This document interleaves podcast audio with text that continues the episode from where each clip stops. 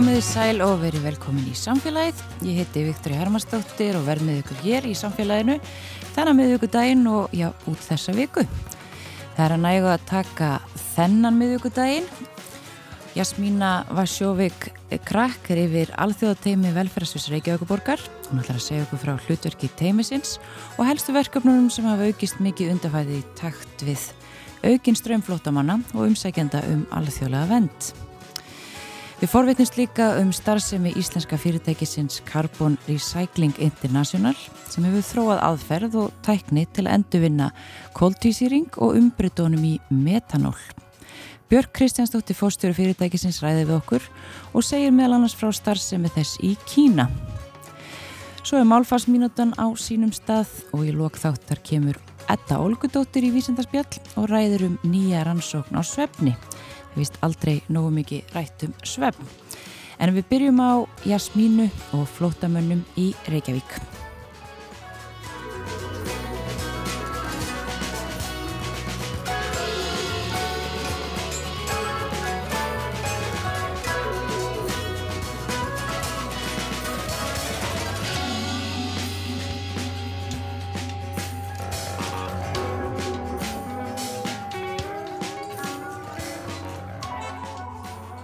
Velkomin Jasmína. Fyrir. Þú ert yfir alþjóðateimi velferðarsviðs Reykjavíkuborgar. Já, Kannski það er rétt. byrjum á því, hvað svona fælst í þessu starfi sem að þú ert að sinna? Uh, það felst sko við, uh, við erum náttúrulega tiltölan í byrjuð eða teimi var stopnum náttúrulega uh, í januar og ég kem til starfa uh, og teimi er með tvö stórverkefni og það eitt uh, sem heitir uh, umsöngindum allsra vend. Það er sem sagt fólk sem kemur hérna til landsins og sækir um hæli og eða um vend og svo hitt teimi sem er samræmt mótaka flottafólks og það er yfirleitt fólki sem búið fá stöðu flottamanns sem fer uh, í gegnum það verkefni. Og uh, þá eru líka til dæmis ef það koma kvotaflottamenn þau fara í líka í samröndamótöku og hérna og þeir sem eru í rauninu veru koma frá afgriðslu umsækjandi með alltfjörðar vend, búið að fá staðfesta stöðu flottamanns, þau koma líka færast svo bara yfir í einu kerfi í annað sem heitir saman mótaka. Já.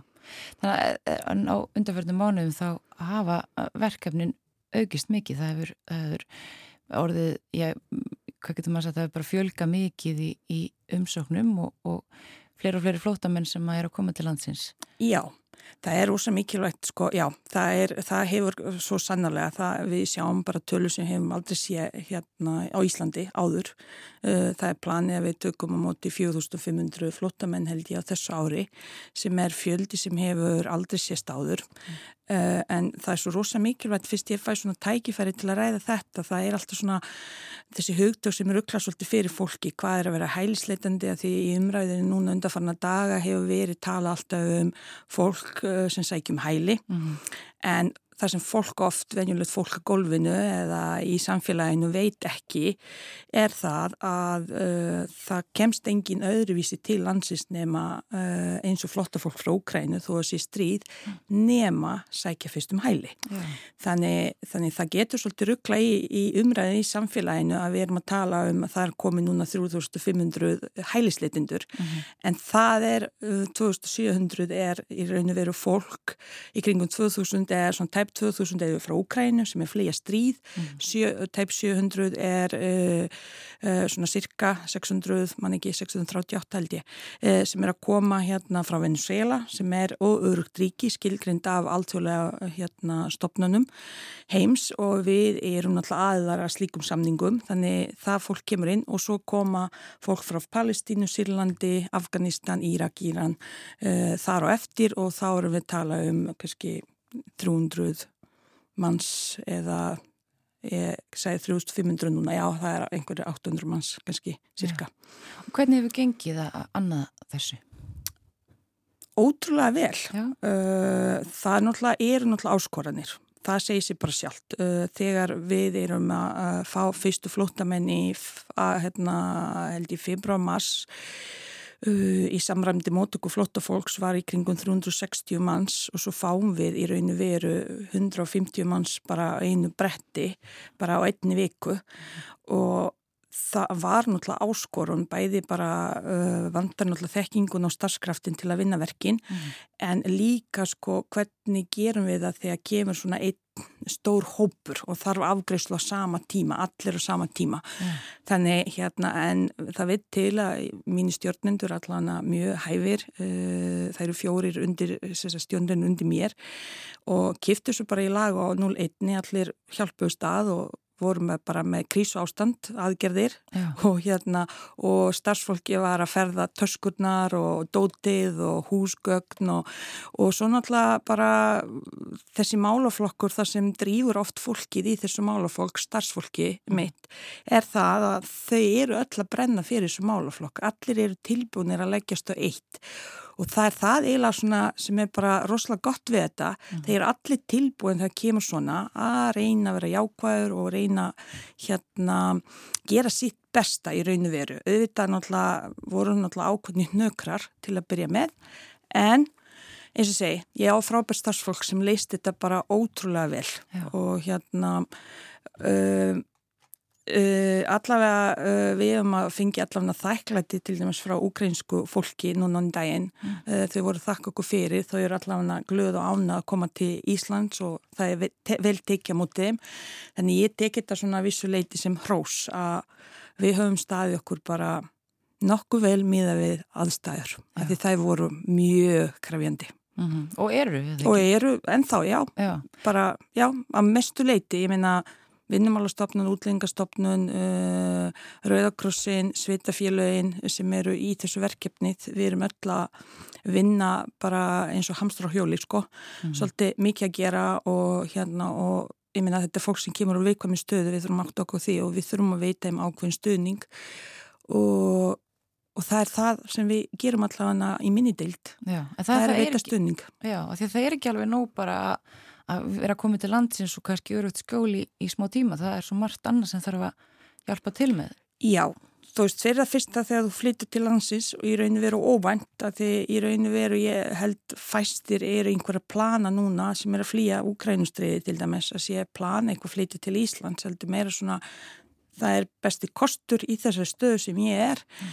Og svo komaðu náttúrulega alls laus með ferðartösku E, fólkina vantar húsnæði, það vantar húsgögn, e, hérna, þeim vantar náttúrulega pening til að framfleyta sér, e, síðan eru bara alls konar önnur, bara það kemur alls konar fólk, það kemur gamalt fólk, það kemur ungt fólk, það kemur fólk börn án foreldra, ungmenni, það eru koma hérna, einstak konur með börn og þau þurfa sitt hvort stuðning á sitt hvort stafnum. Við erum að fá fatla einstaklinga, einstaklinga, einstaklinga ja. þannig þjónusta er mjög fjöldþætt mm. og hverju hvert einstaklingu fyrir sig þarf svolítið sér um, sér einstaklingsplan eða þjónustu mm. uh, hvernig við ætlum að mæta þeim ja. og svo náttúrulega kemur náttúrulega fólk líka sem er sérstaklega núna sem við þurfum að hafa svolítið í huga á næstu uh, mánuðum er það að núna er að koma fólk sem er jæfnvel búið að upplifa hræðilega hluti uh, vegna þess að stríði búið standi einhver tíma Já. þannig það koma kannski meira áföll uh, meira svona áfallasaga bakvið uh, fólk er að skilja fjöskildu, börnin mömmur og pappa og jafnvel, þú veist og er að koma til landsins alveg hérna rosalega vikvæm mm. og í vikvæmi stöðu þú veist að því þau eiga náttúrulega ekkert Nei. Þannig þau þurfa svolítið mikið stöðning myndi ég segja. Og hefur gengið vel að sinna því að geta veitt svona já, áfalla hjálp og aðstóð við svona andlegan stuðning líka og allt þetta. Já, við, hérna, við erum svolítið svona með vinnum í þessu öllu saman, þá erum við vinna svolítið taktíst mm -hmm. og það er gaman að segja frá því sístu viku þá hérna var, fengum við sérfræðingar frá Danmörku sem, er að, hérna, sem eru í raun og veru þjálfa starfsfólki uh, uh, okkar og mitt uh, í, í áfallamiðaði nálgun. Þannig þegar uh, viðkomandi eða einstaklingar eru að koma til landsins og við erum að þjónusta notendur að rákjafar okkar sem er að sína þessu starfi eru sér vel búin og hvernig á að bregðast við og hjálpa þeim að fungera í svona daglegu lífi. og þau voru á námskeiði bara alla sístu viku frá, frá mándegi til lögadags uh, alla daga frá 9-3 mm. uh, að læra, þetta heiti Mindspring og, og kemur upp frá Köpunahöfn og Og, og í raun veru um, lærðu þau um þessa áfallamiða nálgun uh, þegar ráðgjafi fæði einstakling að hann hjálpi honum ekki yngum ráðgjöfina að fungera betur í daglegu lífi. Veist, þannig að þau fá tækið tól hvernig þau geta uh, díla við uh, svona áföll. Þannig við erum sko reyna bæta þjónustu sama tíma því við vitum svona nokkuð veginn hvað er að koma og hvernig mun þetta þróast í framtíðinni að starfsfólki hefur allan að þekkingu til að bregðast við við þeir sem þarf þú veist geta farið náðu húsgögnin, mm. við erum með fólk alveg í því sem hjálpar við það og fólk sem hjálpar þeim að leita húsnæði, mm. uh, húsnæðisfuttrú og fleiri og svo ráðgjafar sem eru ómenningamílarar sem eru svona fólk sem er í rauninu veru Uh, tala bæði tungumálið og, uh, og eru svona menninganæm á umhverfi að leiða þeim svolítið inn í samfélag uh, hjálpa þeim svona í þessari samlögun eins og fara í banka hvað, þú veist að stopna reikning og, og þetta er svona praktist atrið mörg -hmm. sem þarf að leysa þú veist, þegar þú kemur með tvær ferðartösku eða fjórar Já. og átt ekkert. Nei þetta er ekki bara það að komin í nýtt samfélag aðlægast tíð, það eitt og sér er, er næla stort verkefni, heldur þú líka að koma kannski, eða er flestir sem komi hérna er komið mjög erfiðum aðstæðum og og einmitt með áfull á bakinu og slíkt þannig að þetta er svona, Já. Þetta er mikið starra verkefni. Jújú, jú, þetta er í sjálf sér sko, við erum náttúrulega aðstóða fólk bara frá A til Ö. Ég, til dæmis, uh, nú erum við tala sérstaklega um Úkrænum fólk og kannski Venezuela, en svo erum við að fá fólk sem eru kannski frá miðausturlundum og það, þú veist það er líka svona öðruvísi verkefni. Þú veist, það, það þurfum við fara svolítið í kannski öðruvísi þjónustu vegna þess að til dæmis uh, við erum að fá fólk sem er búið að vera í flottamannabúðum í 8 ár, hvað þýð það? Það þýð það oftast næra börnin eru með rofna skólagöngu og við þurfum að steyðja það, skólakerfi þarf að steyðja þau betur, þarf að skrá þau. Uh, við erum líka bara með sérstak uh, hérna uh, svona system þar sem við förum sérstak með börnin gegnum hérna skrám þeim sem sett í skóla og jáfnveil uh, rákjafi okkar mætir á staði með þeim. En svo er líka eftir þess þarf þá erum við oft kannski fara í ídrutafjölu með fóreldrunum og skrá börnin þar og jáfnveil uh, sumi hverjir uh, hérna, ef þau tristir sér ekki þá er farið fyrsta æfingu. Mm. þú veist þannig verkefni er rosalega misjafn og rosalega einstaklismið það fer bara eftir því hvað uh, í hvað stöðu flotta maður er. Uh, sumi trista sér og um, bara eins og myndi ég segja stór hópar og úkræðinu flottafólki er mjög fljótt að retta sér mm. og hérna eru rosalega fær og margir komnir í vinnu og, og einhvern veginn svona samfélagi kannski lík og þau kanna, þú veist, kunna bara á kannski jafnvel hérna uh, stjórnsýslukerfi bara svipað og ég veit ekki, þú veist, allavega þau eru svona vanari en svo fáum við fólk kannski sem búum í sig hæfni að þau eru búið að vera á flótanum í mörg ár mm -hmm og búið að vera í flottamannabúðu í tjöldum, kannski í langan tíma. Þa, það er allt annað hópur og það þarf allt aðra þjónustu í kringum það. Mm -hmm.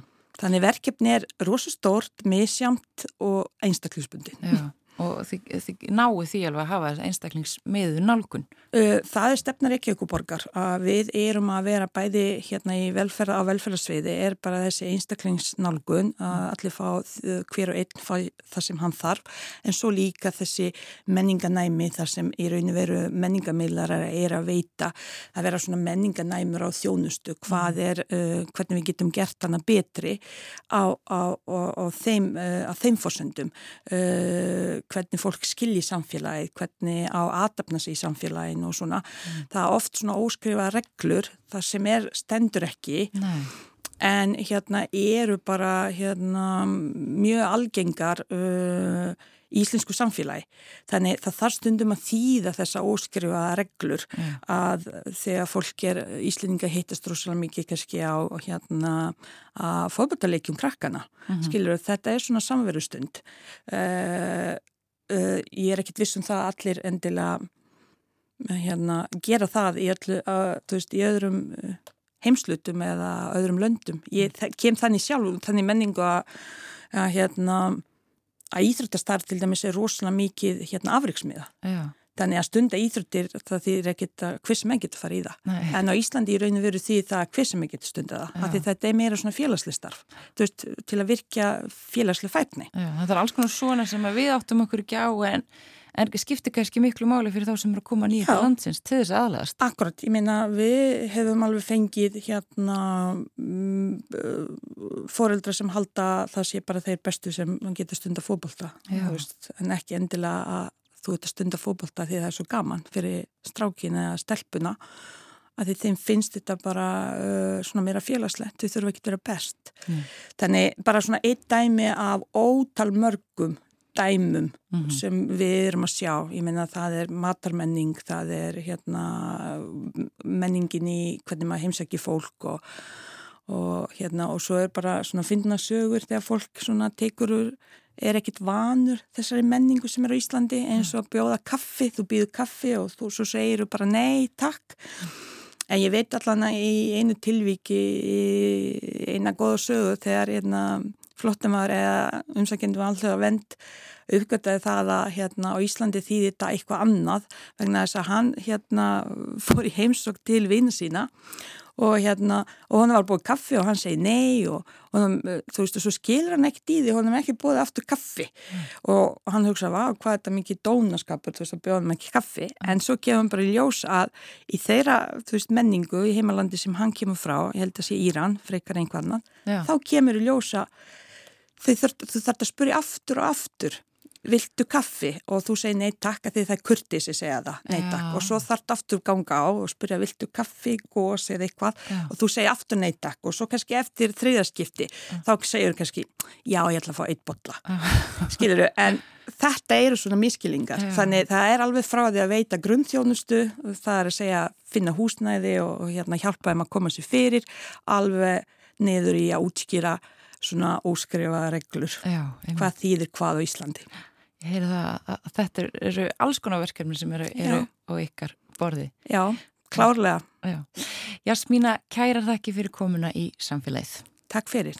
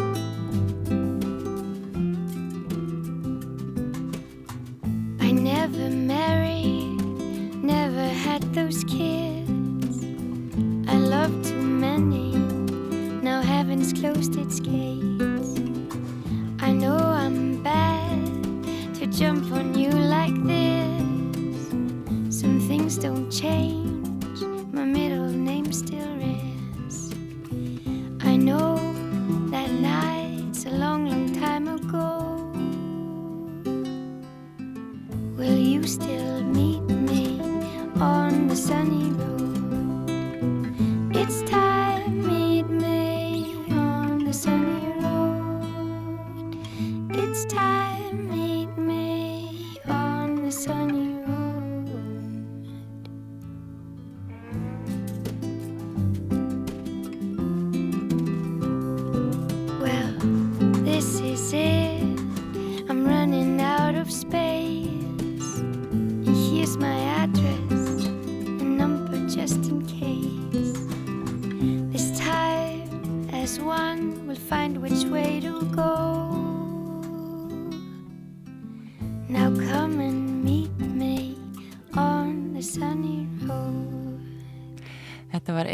Torini og Sunny Road. Þá er sérstinn að hjá okkur Björk Kristjánsdóttir sem er forstjóri fyrirtækis sem heitir Carbon Recycling International. Þetta er íslenskt fyrirtæki sem byggir á íslensku hugviti en uh, starfar á alþjóðlegum vettvangi. Þetta er fælsta kannski í heiti félagsins uh, Carbon Recycling International og þið framleiðið metanól, þið nýtið vettni til þess að, að framleiða metanól úr koltvísýringi, ekki satt? Getur þú Ég voru að byrja því að kannski útskýra fyrir hlustandu hvað þið gerir. Já, akkurat, jú. Hérna séri er sagt, uh, Íslands fyrirtæki og Íslands hugvit og við endur nýttum koltvísýring og blöndum því við vettni til þess að framlega metanól og þá er metanóli grænt metanól eða metanól með lágu kólumispori. Mm. Og hvernig er þessi, þessi prósis? Getur þú útskýrt hann fyrir okkur? Já, þess að, kannski, það er náttúrulega ekki droslega margir, eða sumir alltaf sem þekk ekki metanóli mjög vel, um, að kannski þekktast fyrir náttúrulega sem elsniti og þekktast núna fyrir umræðinar um orkusskiptin, þar sem að grænt metanóli sem er talað sem rafelsniti. Þannig að þá er það nýtt í, í staðin fyrir og getur komið fyrir staðin fyrir jarðafnælsniti. Um, en það sem að séri gerir uh, dagstælega og það sem að margi þekkja fyrirtæki fyrir er um það starfsemi þessi í, í svarsengi uh, en þar setti fyrirtæki upp fyrstu versmiðu sem nýtir þessa tækni uh, til framleyslu á grænu metanóli og framleyti þar að vottaði fyrsta rafelsniti heims. Um, en þessi árangur sem við höfum, höfum náðum þarna í svarsengi uh, hefur orðið þess að fyrirtæki búið að selja sína tækni á alþjóðlegum markaði og það gerist árið 2020 en nú erum við komin að það merkum tímamóndum að það er verið að gangsetja versmið með teknísýri út í Kína og, og fyrsta framleyslan eh, eða framleysla hefur hafist. Og hvaða aðstæður eru þar þá sem að verði þess að það er hægt að nýta eitthvað tekní? Já, raunverulega er teknín, hún er mjög fjölhæf. Í raunverulega getum við nýtt náttúrulega hvaða kol, koltísingsströym sem er og við getum nýtt vatnið hvaðan sem það kemur til þess að framlega metanól og akkurat þarna í Kína eru þar aðstæður uppi að, að stjórnvöld þau hafa raunis sett ákveðna takmarkanir og starfsemi fyrirtækja eins og okkar viðskiptavinnar sem er stálframlegandi uh, með losun og koldvísýningi. Þannig að með því að nýta sér teknisýri getur viðskiptavinnurinn sínt fram á læra kóluminsbor og þar að leiðandi fengi að halda áfram sinni starfsemi uh, en annars myndi mögulega þurfa að draga úr framlegslega annars líkt. Þannig að úr þessu kemur, það er búin að nota þannig koldisýringin úr þessu kemur sett metanól sem ennlega reysa stór vara á heimsvísu, eins og segir, rafelsnið er líka raunverulega meiri partur en 60% notað sem efnavara. Uh, og, og þetta, þetta lítur að vera svolítið stórt uh, fyrir ykkur, uh, fyrir ykkar fyrirtæki að, að þessi versmið sé komin í gagnið. Já, það er ótrúlegt, þetta er náttúrulega bara ótrúlegt, hérna, við séum bara afreg og erum rosalega stolt af þessum áreg sem félagi hefur náð uh, að ljúka þessu og líka sem maður kannski svona fyrir tæknifólk að þá náttúrulega er mikil stækkun. En í Svarsengi voru við að framlega 4.000 tónn eða versmiðan gæt það.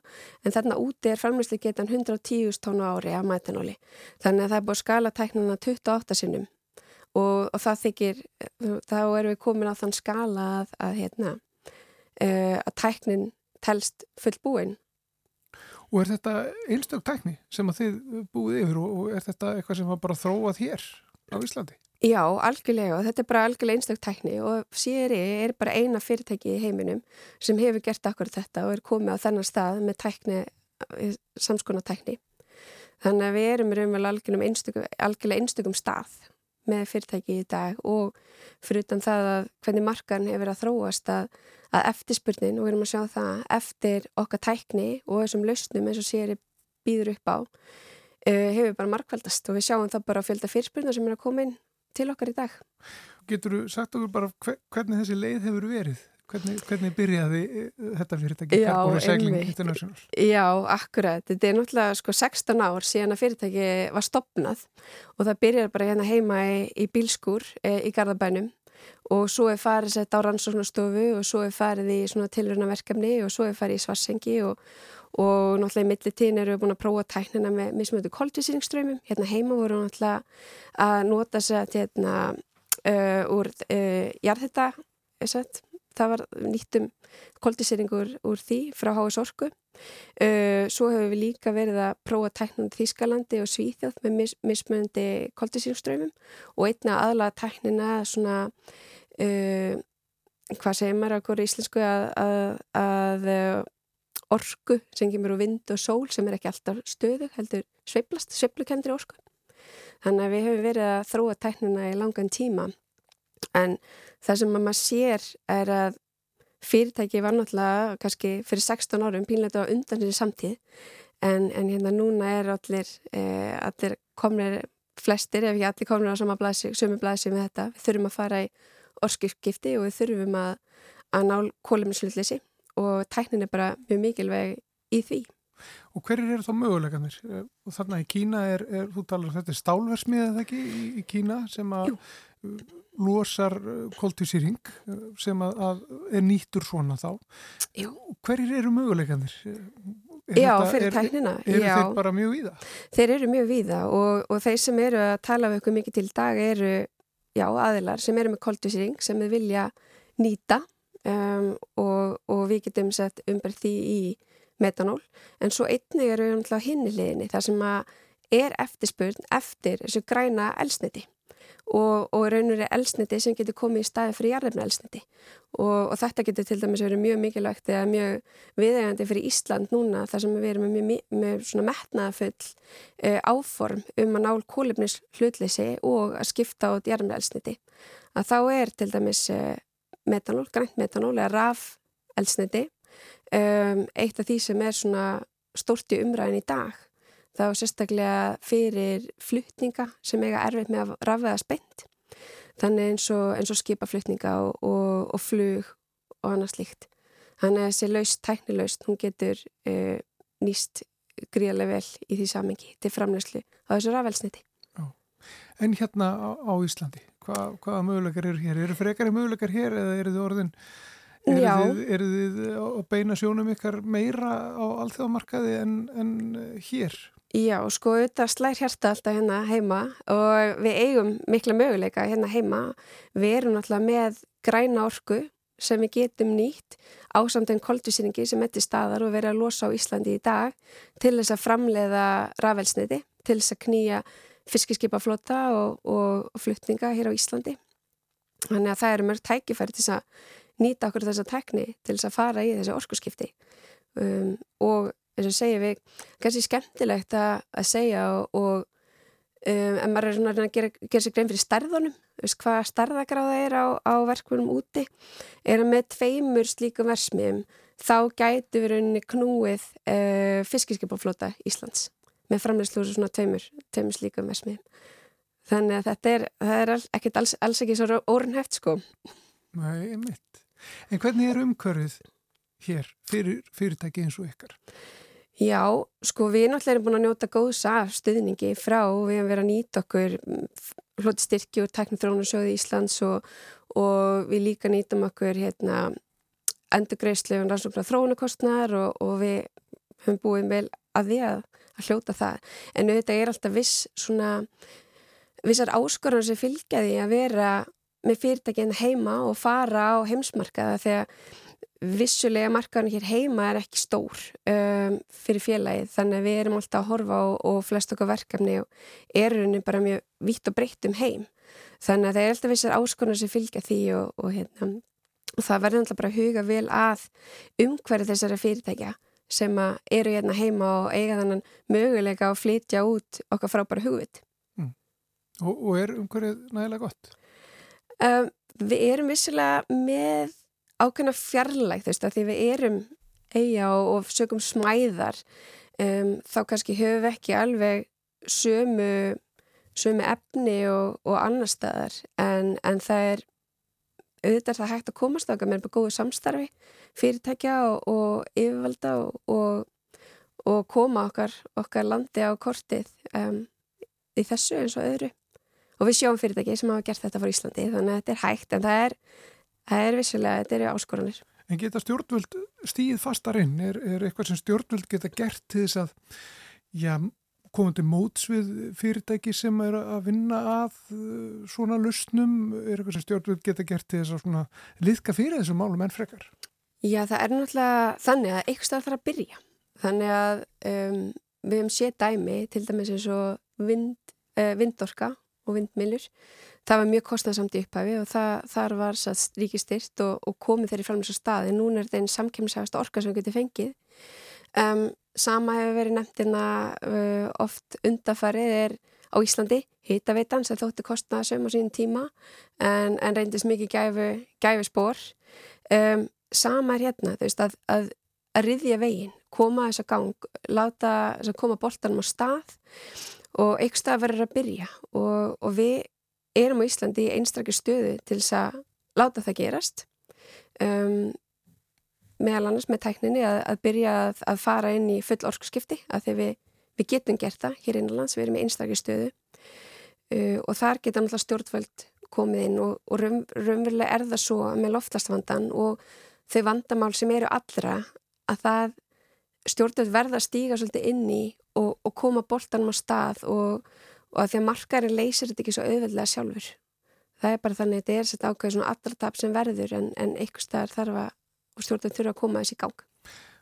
Við heyrum talað um um fengun á á koldusýringi, það er náttúrulega, við þekkjum Carbfix, við höfum nú oft rætt það eh, sem er hérna á helliseiðinni uh, og, og stefna á að vera hér víðar, vera hérna í Strömsvík með, með um, ja, sína starfsemi eða að nota sína tekni þar.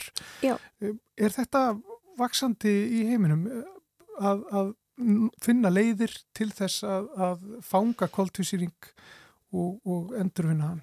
Já, það er nefnilega þetta er það sem að flestir er að keppast við. Það er náttúrulega mjög fjölmörg fyrirtæki sem eru akkurat að vinna í föngun og að þróa og bæta föngunabúnað. Uh, það mjög, verður mjög mikilvægt og svo er það þá leiðirnar hvernig ætlum að gera. Það? Er tvæ leiðir, þú getur nýttan og þú getur geimt koldisýringin. Uh, og það er svona kannski munun á því sem við gerum við tökum koldisýringum og nýtum hann. Og svo Carfix er að, er að finna leiðir þess að geima hann varanlega. Uh, en það þarf allt þetta að koma til, allar þessar lausnir þurfa að finna sinn farvegt sem ná þessum markmiðum. Að því að vandamálinn alltaf í lofslagsvandamáli er bara svo stórt að það þarf að, að, þarf að nýta þess að búa til uh, elsniti, annað jarðum elsniti það þarf að, að finna leið þess að geima varanlega þannig að við þurfum að við þurfum að nota allt og það reyndar er svolítið merkilegt að það séu tvö fyrirtæki sem eru svona framalega heimsvísu sem eru hérna heima. Af hverju það?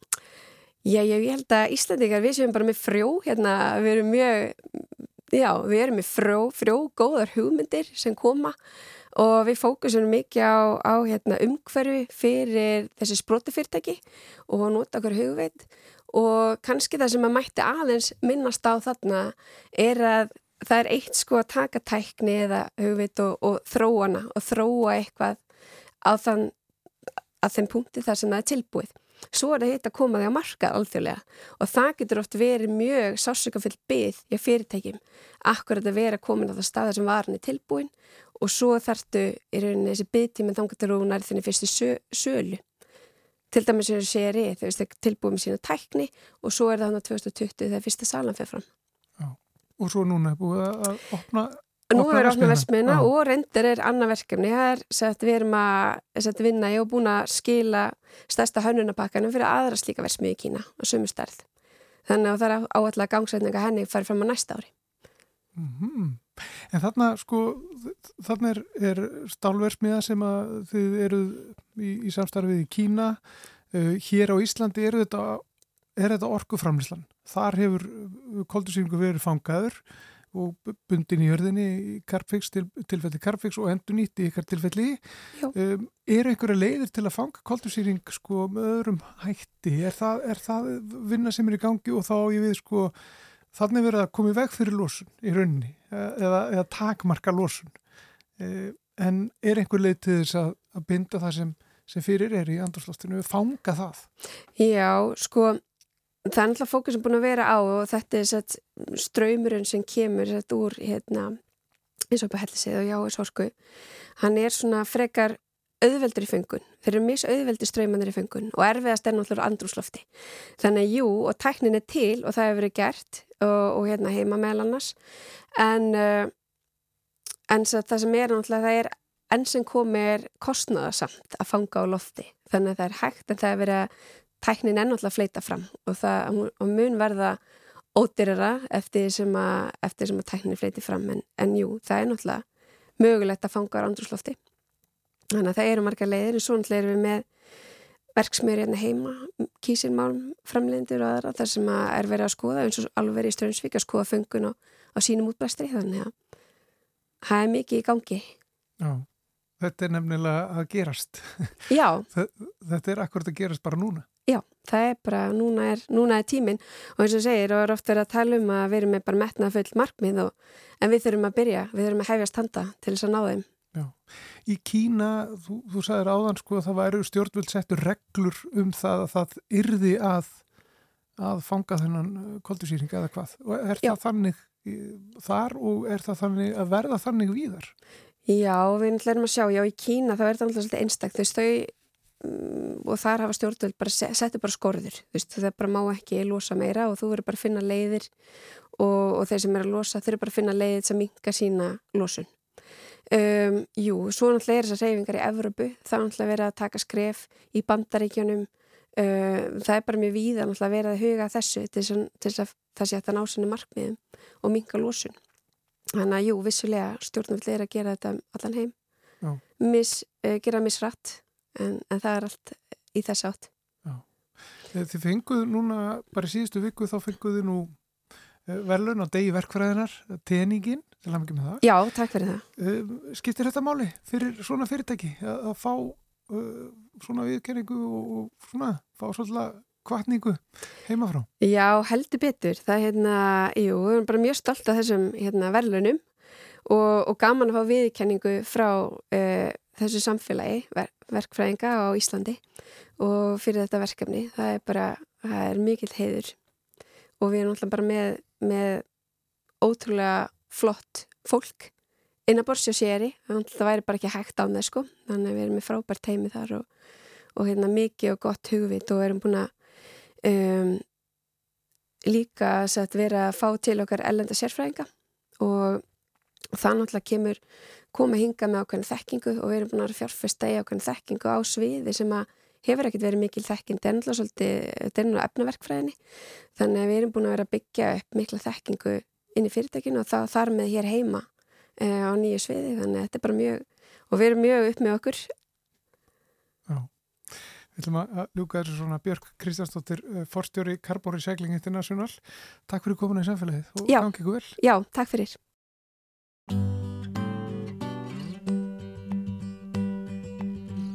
Blackbird singing in the dead of night Take these broken wings and learn to fly All your life You were only waiting for this moment to arise.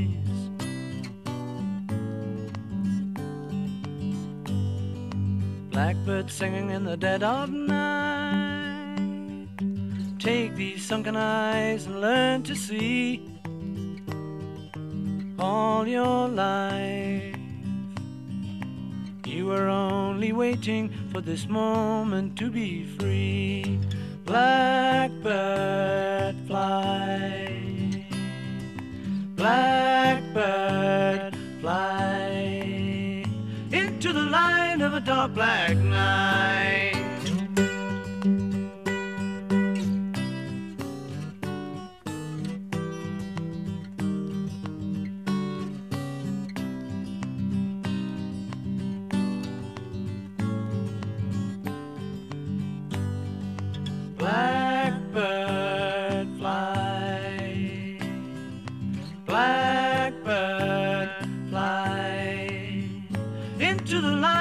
Black night.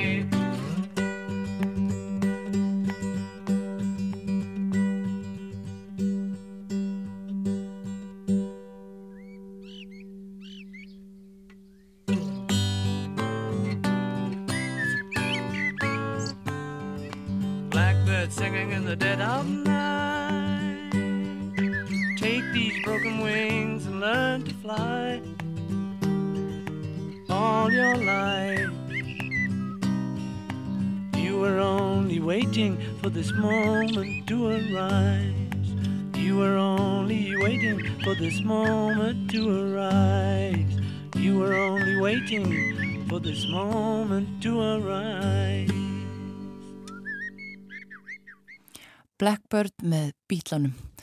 En nú ætlum við að fara yfir í málforsmínútuna.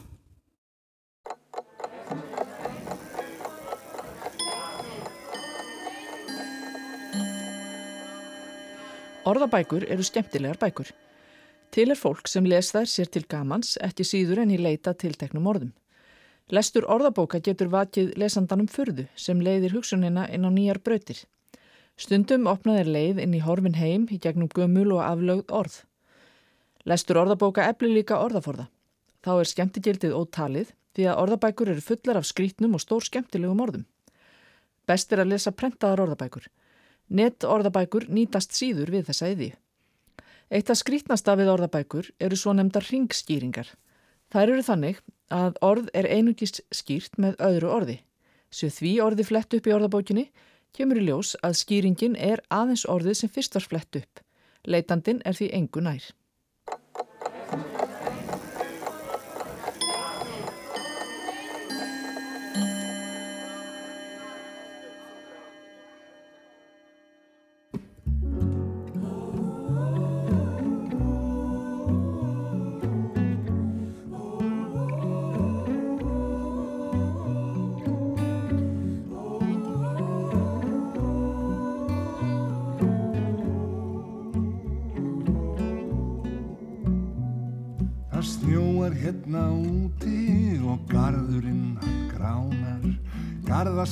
This. is hoe.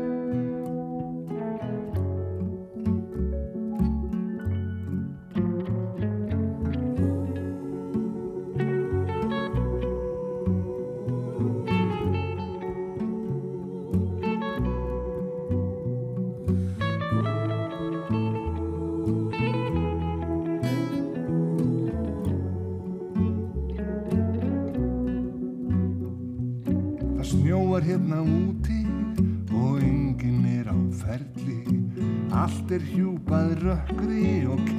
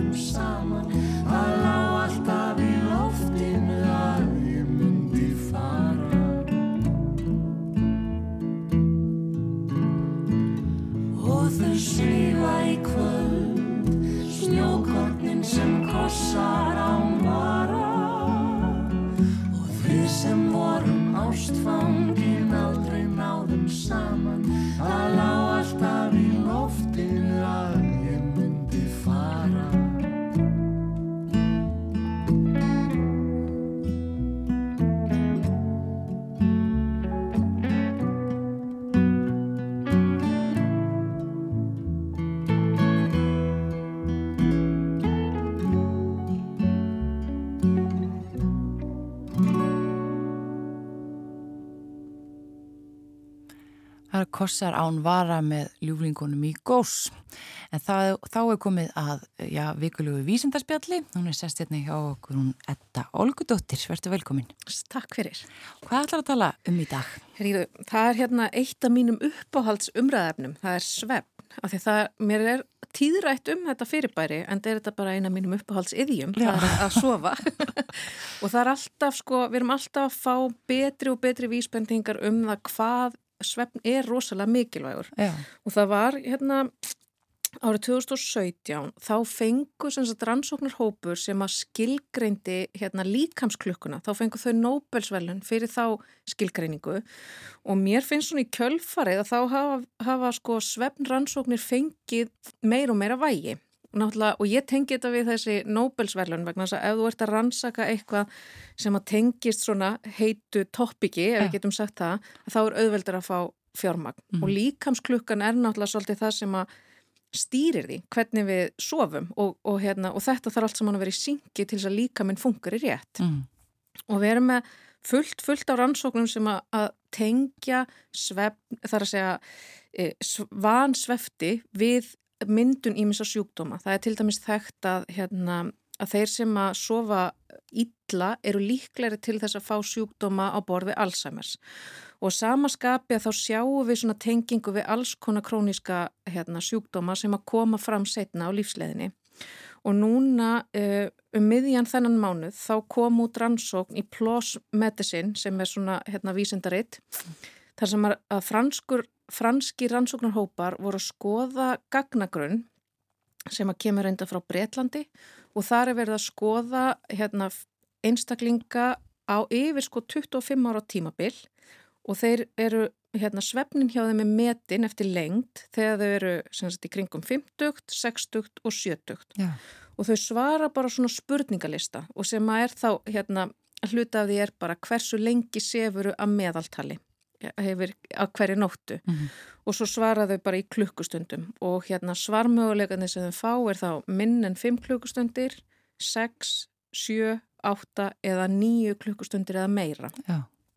og í þessari rannsóknu þá voru þau með 7000, rúmlega 7800 einstaklinga sem að svöruðu þessum spurningum uh, og rann, uh, gagnagrunnurinn, söpnun gagnana byrjar í kringum 1985 og þau hægt að fylgjast með einstaklingunum 2019 þannig að hver einasti einstaklingur sem er uh, inn í þessari rannsókn þau fylgjast með honum í 25 ár Já. og svo fylgjast þau með Uh, hvort að viðkomandi greinist með eitthvað að það sem er bara kallað almennur krónísku sjúkdómur og undir það fellur til dæmis sikursíki, krabbamein, uh, einhvers konar nýrnasjúkdómar, livrasjúkdómar uh, og líka andlegveikindi, til dæmis þunglindi og svona vitglöp og alls konar svona sjúkdómar sem við kannski tengjum við að komi fram seint á lífsleðinni. Já. Og þegar þau skoða hérna, þetta, þessa einstaklinga og skipta þeim upp í hópa eftir því hvað þau segjast sofa lengi, að þá kemur í ljós að þeir einstaklingar sem að sofa undir 5 klukkustundum eða 5 klukkustundir á, á sólarring, að þeir eru alltaf 40% líkleri til þess að fá að minnstakosti tvo af þessum krónísku sjúkdómum setna á lífsleðinni. Já og hérna þannig að það skiptir gríðarlega miklu máli að fá næjanlega mikinn svefn vegna þess að þarna ertu komin með þessi krónísku sjúkdómar eru kannski eitthvað sem að við, þú, þú þart mikla meðferð við mm. og langa og jafnvel ævilanga. Stundum er ekkert eins og síkursíki hún læknast yfirleitt ekki. Þannig að þá þartu bara ævilanga meðferð við henni. Já, Þú talar um næ, nægansvefn hvað er, er Já, er hans skilgreindur? hann er skilgreindur 7-8 klukkstundir og, hérna, og þarna eru þau að tala hérna, þegar þau skoða uh, fólk, þegar þau eru að bera þennan hóp saman við aðra hópa þá eru þau að skoða þeir sem að sofa í minn en 5 klukkstundir saman boru við þá sem að sofa í 7 klukkstundir Mm. og í rannsókn er það líka þannig að langstæsti hópurinn sefur í 7 klukkstundir það er hérna heldur 35% sem að segja 7 klukkstundir og svo 20 eitthvað prósent sem segja að sofa í 6 klukkstundir en það var bara 1% sem sagði sofa lengur en 9 klukkstundir þannig að við getum ekki beint svona horta át og sagt já ok, þú sefur lengur að þá er það ekki gott eða þá er það ennþá betra Nei. af því það er svo rosalega lítill hópur Fá sem að ná því. já, Já. En þetta er aldrei langu tími, sko. að- Já, að þetta er nefnilega mjög langur tími og svo sjáðu líka, þú veist, hvort þau hérna fá marga sjúkdóma og líka hvort þetta eigur líkunar á því að deyja sem að, sem að það sem er líka fylgni, sko. En svo er þetta alltaf pínulítið erfitt af því að hérna í fyrsta lagi hvað kemur á undan, hænan eða ekkið og við erum svolítið að horfa á þetta þannig út frá bara fleiri svefn rannsóknum sem við þekkjum að það að sofa lítið leiðir til þess að, að líkaminn virkar ekki rétt og þú færð sjúkdóminn en svo getur líka verið að það sé eitthvað sem að veldur því úr sefur lítið sem að veldur þá líka því að þú færð sjúkdóminn. Þannig að þetta er ekki alltaf alveg beint orsaka samhengi þó við séum með fylgni. Og svo er líka annað sem að svona hérna að því þegar maður les svona rannsókn og, og, hérna, og hugsa bara já, einmitt, maður verður að passa upp á svefnin sinn að hann er samt svefn er ekki beint eitthvað sem við getum hérna, framkalla eftir pöntunum. Nei. og það þarf að hérna, við getum gert alls konar til þess að stuðla að heilbriðum svefni eins og að hérna, veist, slökkva ljósin, ekki vera með skjá við hérna, svefnstæðin, ekki drekka kaffi eftir eitthvað x á daginn, Mhm. ekki, drekka, ekki drekka áfengi, uh, ekki drekka mikið vatn rétt fyrir svefnin, um, svona, þú veist, reyna að róa hérna, líkama niður til að undibúa okkur inn í svefnin, fara alltaf að sofa á sama tíma og vakna á sama tíma, þannig að við getum við getum búið okkur til ákveð umhverfi til að stuðla að heilbreðari svefni en við ráðum samt ekkert við allt saman. En mögulega ef við kannski byrjum snemma að þá kannski viðhelst þetta þessar vennjur viðhaldast kannski lengur eftir því ef við sko vennjum okkur fyrr á þær og svona Já. kennum líkamannum að fylgja þeim eftir. Bara í sveppþjálfum fyrir fullotna. Já, í raun og veru. það er kannski eitthvað sem að vantar. En svo er líka bara það sem að, að því við erum með bæði sko sveppransóknir, við erum náttúrulega með ógrinni af þeim og það má eiginlega segja við séum að taka sko mismunandi póla, mismunandi vinkla á það hvernig svefn virkar og þannig erum við að horfa á bara fylgnina. Hverjar eru líkurnar á því að eitthvað hérna að að hérna vansvefti hafi áhrif á lífið þitt og hvernig hefur það áhrif? Og svo getum við hortað hinum einn frá. Hvað gerist þegar við sofum lítið? Og þá getum við til dæmis verið að horfa á genatjáningu eða prótínvirkni eða eitthvað í heilanum eða hjartanu eða öðrum líffærum og sjá hvað það er sem breytist. Og þegar við svona leggjum þessar rannsóknir saman að þá höfum við betri tól til að vita að hverju við erum að leita. Mm. Að því hérna sjáum við um, að það er fylgni við ákveðna sjúkdóma. Þá getum við kannski fara að leita í öðrum rannsóknum hvaða gen eru það sem að tengjast þessum sjúkdómum sem að við viljum aðtöga hvernig tjáningin er svo við getum séð hvort að við getum einhvern veginn haft áhrif á þetta. Mhm. Vegna þess að oft, einmitt eins og ég var að minnast á, þá ráðum við ekki við það hvort að við sopnum eða ekki eða hvort við sofum, sofum vel. Já, margir sem að glíma við sveppandamál. Einmitt og það er einmitt svona, þú veist, þetta er eitthvað svo illviðráðanlegt vegna þess að þú þarft bara, líka minn þarf að komast inn í ákveðin hérna takt til þess að geta dotti niður í svefnin og haldið honum svo. Vegna þess að svo er það líka e, ákveði líki latriði að þú þarfst líka að sofa vel, ekki Já. bara lengi. Það eru mikla kröfur. það eru rosa kröfur.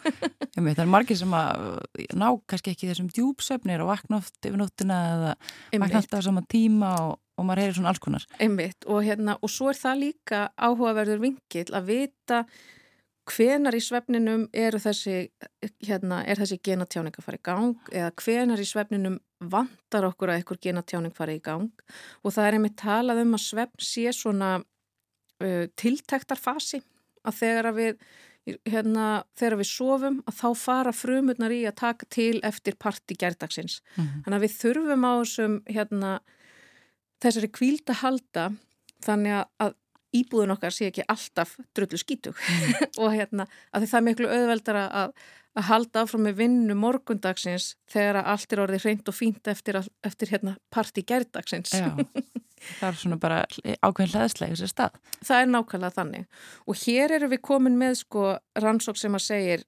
fyrir hvað þurfum við þessa hlæðslu, Mm. fyrir hvað sjúkdóma er það.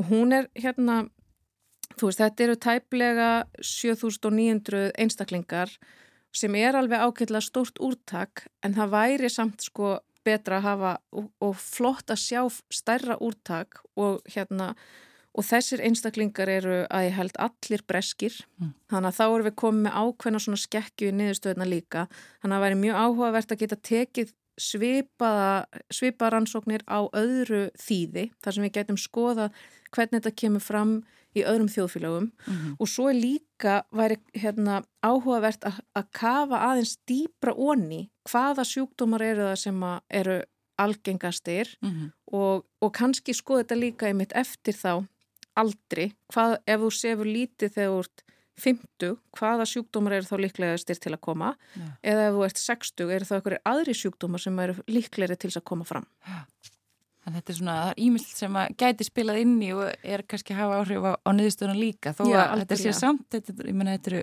hvað sér, 25 ár. Já, sem það fylgja þeim eftir þannig að þetta er mjög sko langur tíma þetta er mjög tímafreg rannsókn sko Já. Einmitt það, Edda Olgudóttir, við förum öll og skoðum söfnin okkar, Flott, förum að söfþjálfa okkur til þess að hafa betri heilsu. einmitt En kæra þakki fyrir komuna, Edda. Takk fyrir mig Uh, samfélagi verður ekki lengra þennan daginn en við heyrumst aftur hér á morgun. Takk fyrir.